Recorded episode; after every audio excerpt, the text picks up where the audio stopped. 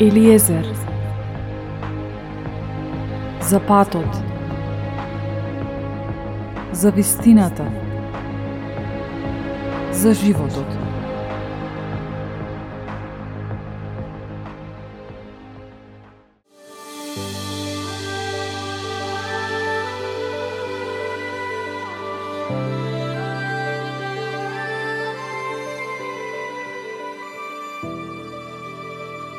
Драги редовни слушатели, но и оние кои за прв пат се вклучуваат на содржините на подкастот, односно емисијата Елиезер.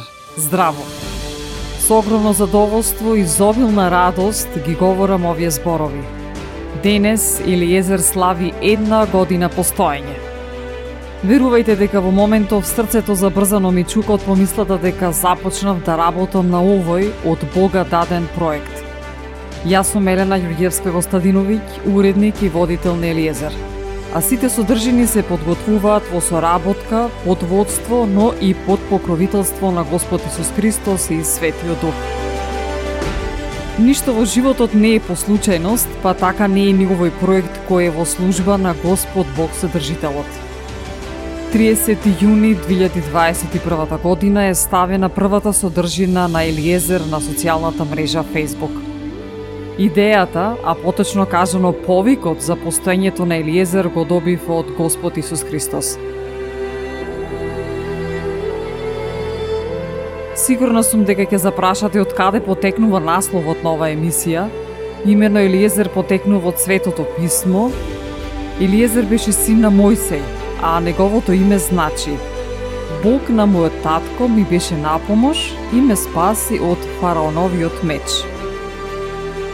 Мотото на Илиезер потекнува од зборовите на Исус Христос, запишани во Евангелието според Јован, 14 глава, 6 стих. Јас сум патот, вистината и животот. Никој не доаѓа при татко ми, освен преку мене.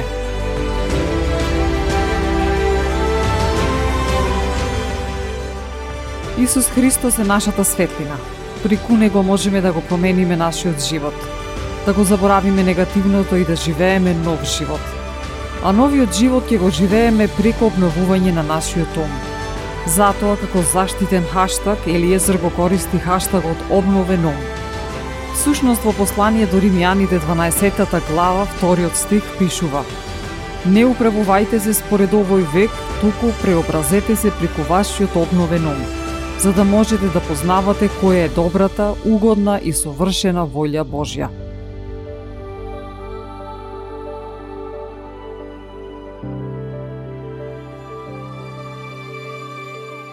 Содржините на Елиезер се достапни на официјалниот YouTube канал, како и на социјалните мрежи Facebook и Instagram. Исто така можете да ги слушате на Spotify, Google Podcast, Anchor, Radio Public, Breaker, Rocketcasts. Доколку постојат одредени прашања и сугестии, слободно пишувајте на електронската адреса eliezer.obnovenum@gmail.com. Обновениот ум трансформира личност, трансформира град, може да трансформира и држава. Обновениот ум е најдобриот начин да се демонстрира волјата на Бог. А која е Божјата волја? Да биде на земјата како што е на небото. Царството небесно е простор на доминирање на Господ Бог. Тоа е мерливо, реално и постои токму сега.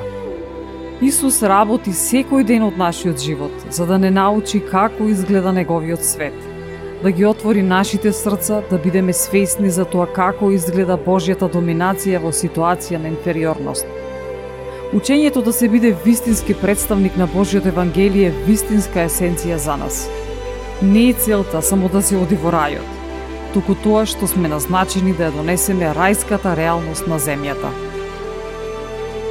Трансформацијата доаѓа кога ставаме крај на старото и започнуваме со ново. Односно, како што пишува, сега се е ново, старото помина. Исус на земјата живееше како модел кој ние треба да го следиме. Тоа беше и поентата.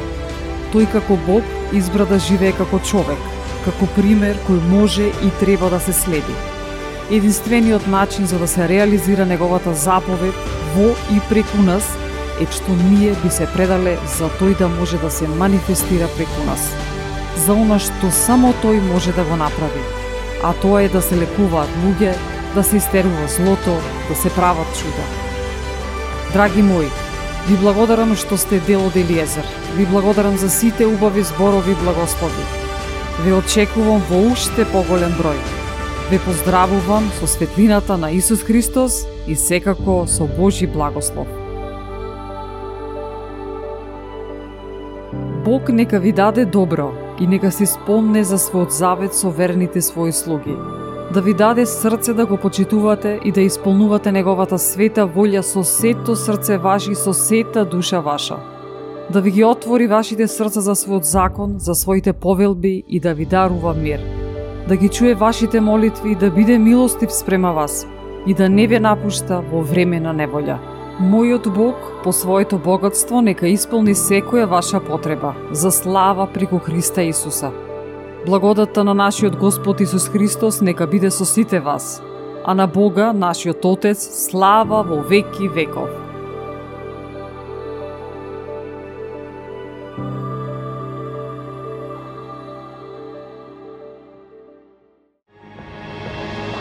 Елиезер